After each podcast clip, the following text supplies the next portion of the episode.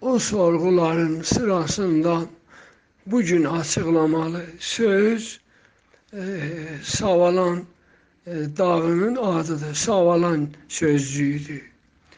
Ve Azərbaycanın ən uca və uca zirvəli və tanınmış bir dağı ki, e, tarix boyu e, minlər bəlkə ondan da artıq insanlar adını e, bu dağın adından götürüblər və e, Ərdəbil şəhərinin yaxınlığındadır. Yəni Ərdəbil də e, tanınmış Ərdəbil də bir şəhərdir ki, Savalan e, şəhərlərinin biridir.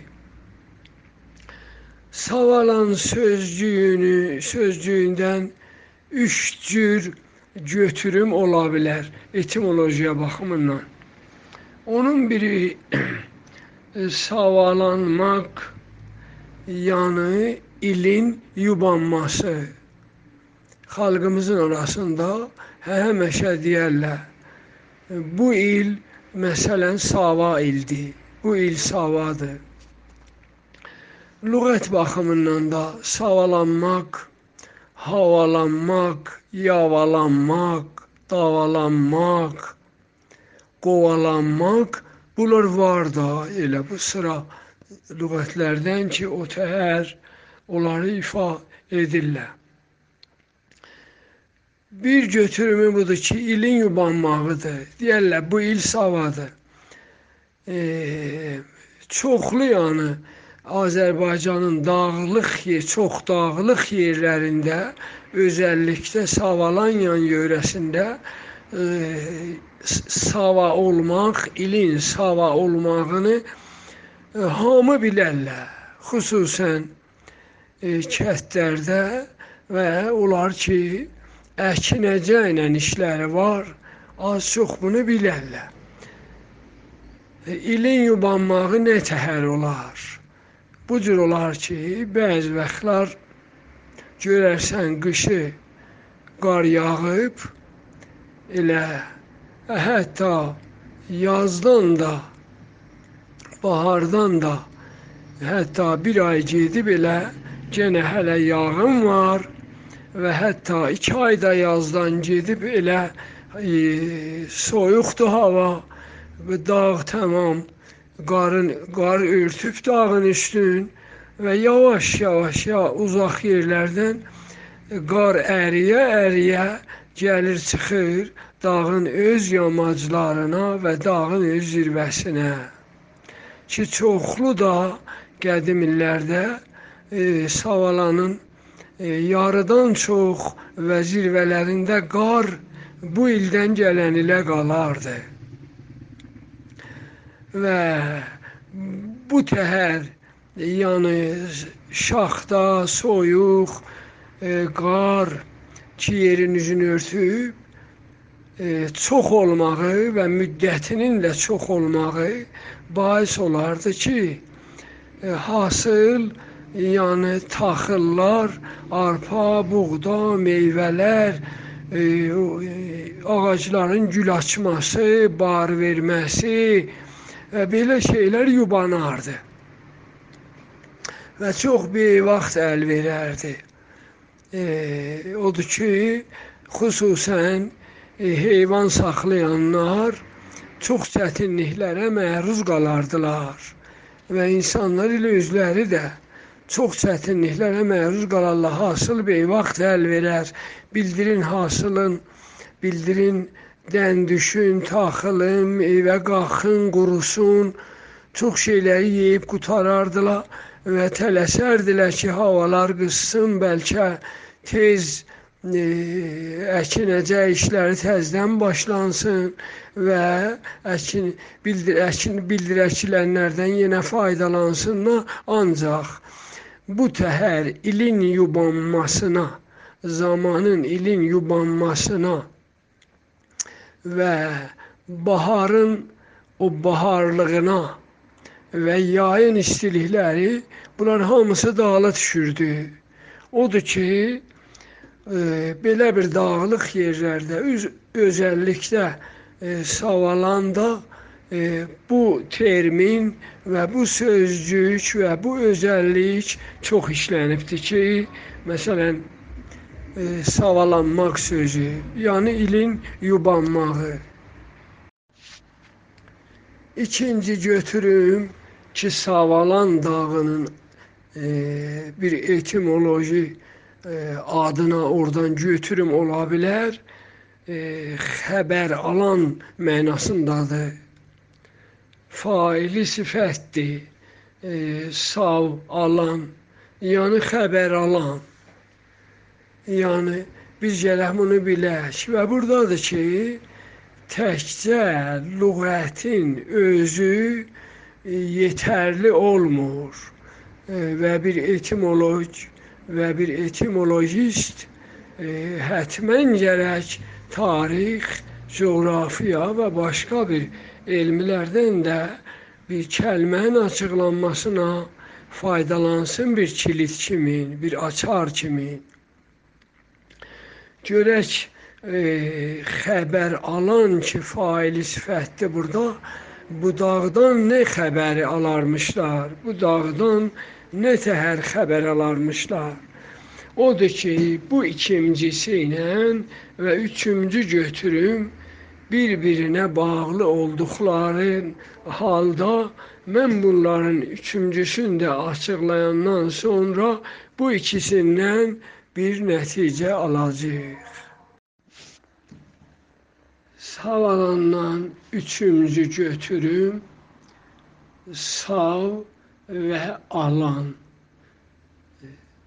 kəlmə sözcükləridir. Qatıqıdır. İki kəlmədən təşkil olubdur. E, alan e, meydan mənasındadır türkümüzdə. Sav alan, sav alan yəni xəbər meydanı. Və e, bu xəbər meydanı dedikdə iki, ikincisi və üçüncüsü ki, onlarda xəbər almaq, xəbər alan və xəbər meydanı var. Öz-özünə adamın tarixsel diqqətini çəkir və biri-birin təsdiqləyir. Onlardan da e, real formada e, kütlələr ara qəbul edilməsi odur ki, xalqın dilində və keçmişlərdə, tarixdə ona inanmaq olar. E, ikincisi və üçüncüsü ki, xəbər alan və xəbər meydanıdır. Bu ikisi bir-birini təsdiqləməsi bunun mənasını gücləndirir ki, orada xəbər məsələsi var. Və biz bunu e, bilirik ki, xüsusilə e, Ərdəbil mahalında ki, orada şiəçilik orada başlanıb və güclənibdir və e, o Səfəvilər dövrü və Səfəvilərin oradan qalxması və e, təsəvvüf, irfan, bir belə baxışların oradan dirçəlməsi bu baxışı o dövrlərdə yaradıbdır ki, e, demək Zərd, Zərdüş peyğəmbər ya Sərdüş peyğəmbər ki, türkümüzdə deyirik, yəni düşün, başı düşüncəli, yəni düşüncəli adam, e, sər və düş iki kəlmədir. Bu sərdüş, iki zərdüşt deyirlər. Bu kəlmə, e, bu peyğəmbər orada e, dedikləri kimi gedərmiş və o savalanın başından e, ta Allahla danışarmış və ondan xəbərlər alarmış, ilham alarmış və e, ondan sonra qayıdıb gələrmiş və o xəbərləri cəmaata yetirərmiş. Amma e, bunu bugünkü elm çox çətin təsdiqləyə bilər. Çünki bu kəlmənin yaranış, bu inancın yaranış dövrü Səfəvilərdən bəridir. Amma Zərtüştün, Zərtüş peyğəmbərin doğma tarixi çox-çox qabaqlara qayıdır və Zərtüştün heç düzdür ki, atasının adı Böyrü Şəpə və anasının adı Doğduydu. Amma bu, bunun heç özündən bir türkü əlamət, bir türkü ol, bir türk olmaq, bir bir türk olmaq əsəri və bundan qalmayıbdı və mən indiyə kimi heç yerdən bir sənədli bir şey ki, Zərtüş türk ola e, özü e, bir şey mən görməmişəm və hər kəsdə də olsa hazıram ki, onu eşidəm və onu da hətta müstənəd bir şey olsa ondan hamımız onu qəbul edərik. Amma e, belə bir şey elmi ləhazdan da ağlımıza sığan deyil ki, bir nəfər Allahla danışan adam hər gün gedə çıxa o Savalanın zirvəsinə. Savalanın zirvəsinə gedib çıxmaq çox çətindir. Hətta bəzi fəsillərdə heç getmək ora mümkün deyil. Və Allahla e, bağlantı quran e, bir peyğəmbər lazım deyil ki, getsin, çıxsın bir savalan kimin bir dağın zirvəsinə elə o ilhamın, xəbərin elə lap elə bir dərədə də ala bilər. Və bu inancı ki, e, Allah göydədir və bir belə bir inanc var ki, göy tanrısı dövründə e, və uca yerlərə çıxmaq, azan vermək uca yerlərdə ki, bunlar formalaşıb göy tanrısı düşünərisində onlara söz yox. Amma bu şey ki, Zərtüşt onun doğma yurdu ə, məsələn Savalan ola, Savalan dövrəsində sakin ola, bunlara heç bir sənəd yoxdur və elə bir şeylər də elmi ləhazdan olan deyir və e, bir nəfər e, ürək bağlantısı olsa və bir xəbər alsa, e, onu hər yerdə özü Allahından ala bilər və Allah qadir ola bilər ki, ona elə hər yerdə zəhmətə, dərdi sərə salmasın, elə onu o xəbəri ona yetirsin. Amma e, başqa bir e, elmi baxışdan e, o dövrün keçmiş uzaq bir zamanların e, bir dənə xəbər məsələsi də vardı ki, mən onu qulluğunuza ərz edim.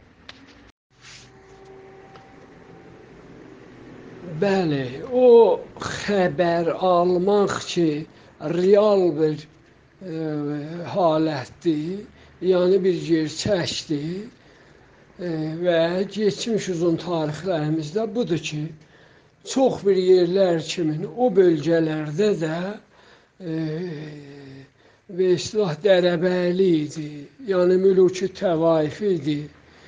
Ərbablar və rəiyyətlər nizamı hakim idi və hər bölgədə bir bəy, bir ərbab hökumət sürürdü. Amma bir bəylər bəydə var idi. Yəni həmişə bu e, bəylər, yəni böyüklər, ərbablar, o maliklər ki, hər bölgədə vardılar və baş vergisi alırdılar rəiyyətlərdən. Onlar e, onların hamısının bir böyükləri də olurdu ki, bəylər bəy olurdu və ona e, xanlar xanı ya xaqan deyirdilər. Ki, bəylər və e, xanlar o aldıqları baş vergidən o mərkəzdə olan e, xaqana yetidə bir şey yetirirdilər və e, ondan gahdan köməklər də alırdılar.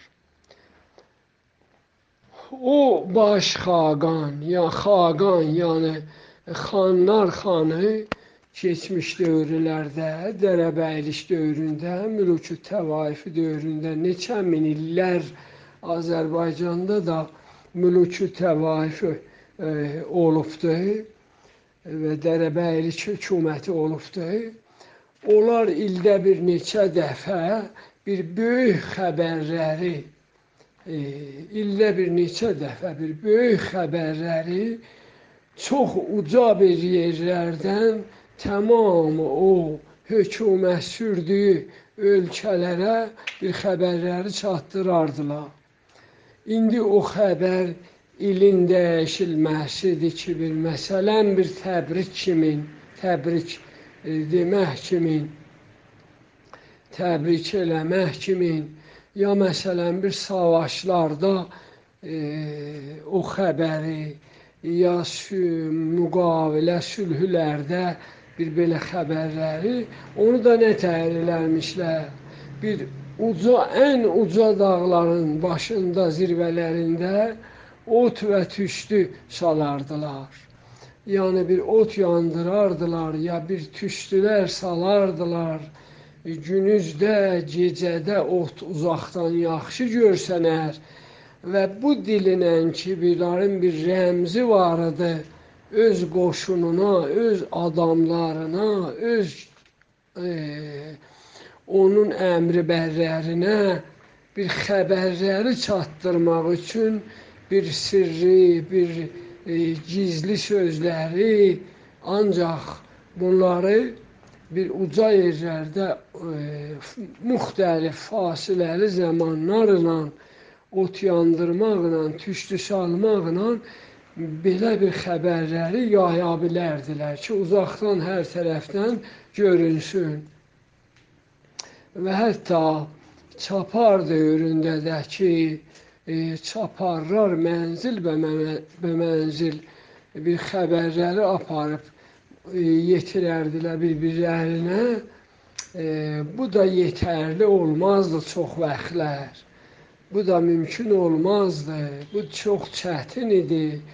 Çaparları yolda tuturdular, qabağını alırdılar, əlində olanı alırdılar. Ancaq bir böyük xəbərləri Xaqan öz amilləri, öz adamları, ya hətta öz rəiyyətləri, əmribərləri arasında bir belə xəbərləri uca dağlardan yayırmışlar və o xəbərlər odur ki, ikinci götürüm e, xəbər alan mənasında, savalan, yəni xəbər alan mənasında və savalan, yəni xəbər meydanı anlamında ikisi də bir-birini təsdiqləyir və keçmişdə olan o tarixsel davranışları da şahların və e, xaqanların və bəylərin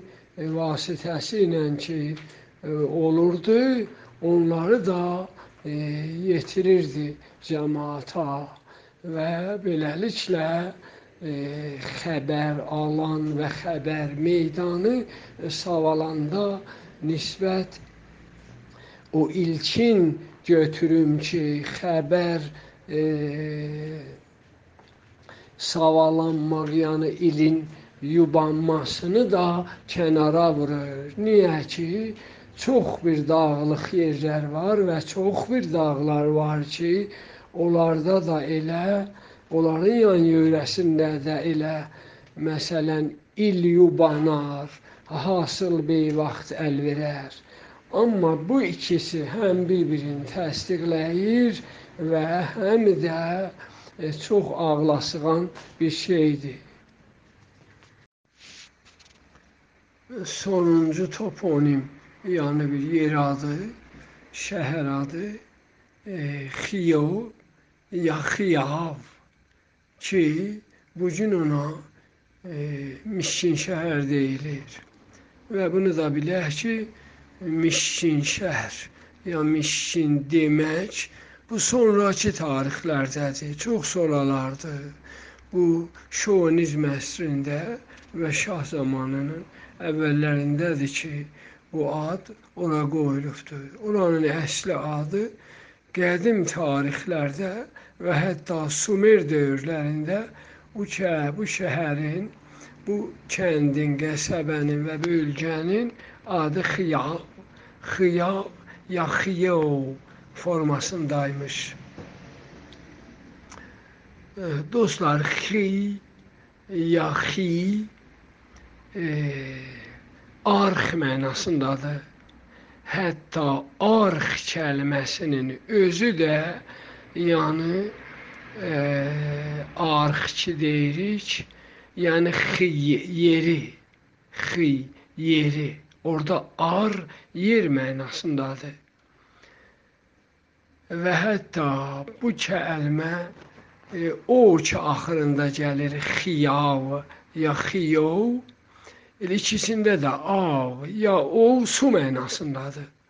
Qədim su mənasındadır. İndi də indi də elə e, Azərbaycanın hər tərəfində e, qadınlar və xanımlar ilk başlanışda uşaqlarına o ya av ya ova ya ava su mənasında uşaqlarına öyrədərlər ki, su istəyəndə o rahatcasına istəsinlər və onun anlamını düşünsünlər. Onda olur su arxı, su arxı.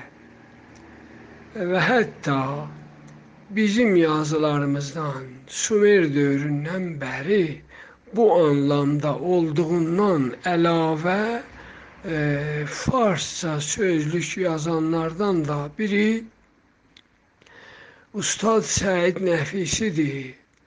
Ustad Səid Nəfisinin də yazdığı o sözlük kitabında diqqətlə oxusalar dostlar görərlər ki, orada da e, xi arx mənasındadır ki, bu gün məsələm şəhərlərin içində ona e,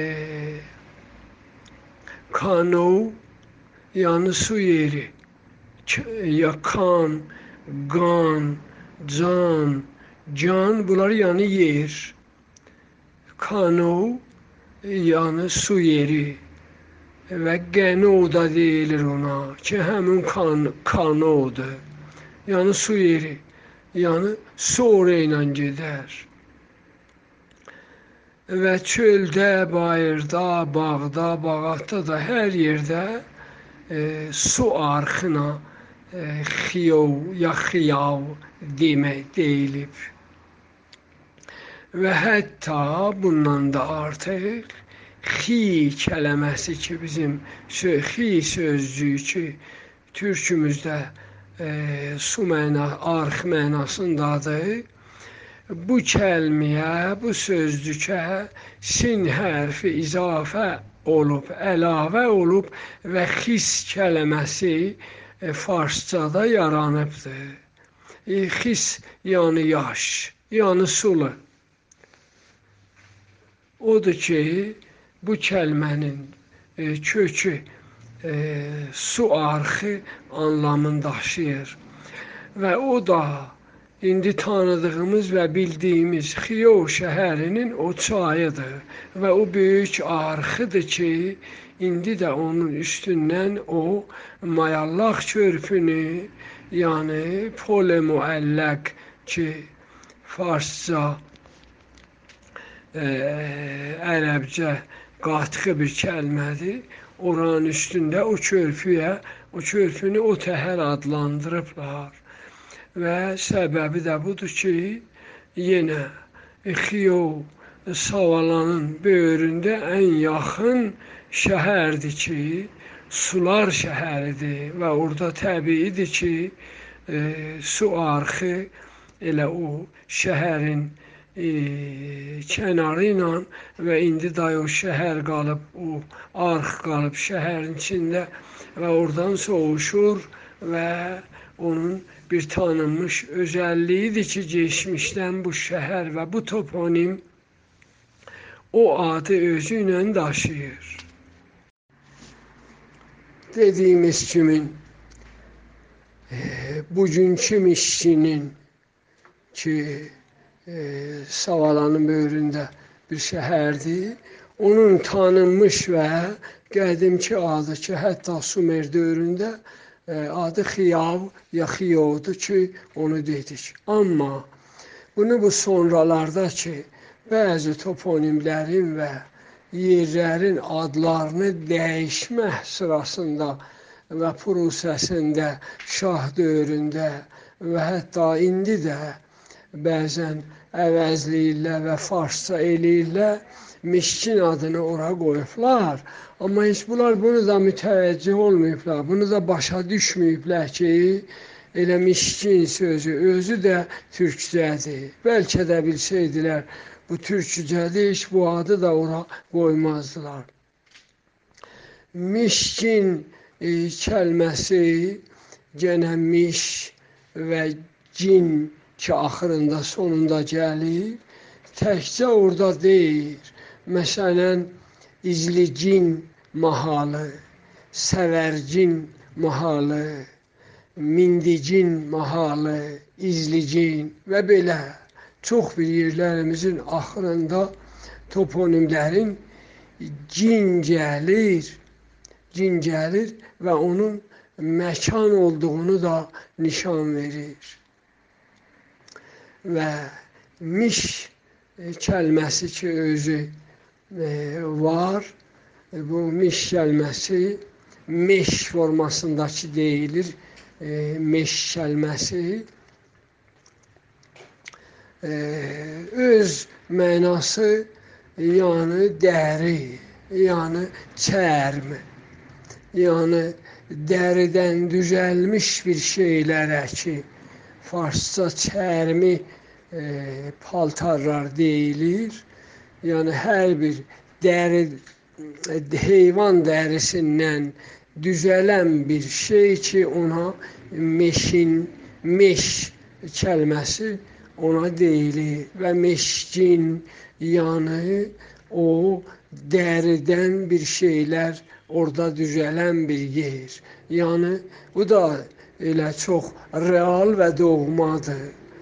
Səbəbi də budur ki, elə bax elə indi də ora üçün həşəmdarlıqdır və orada çox e, davar heyvanat var və o dövrəbərlərdə e, əşairlər yaşayır və çölçülər, davarçılar, çobanlar, və davarın orada çox olmağı, dərinin orada dərinin orada çox olmağı ki, e, Azərbaycan şəhərlərində bu lahazdan da adlım bir e, yerdir ki, orada hər yerdən çox dəri e, ovardılır, yəni istehsal olur.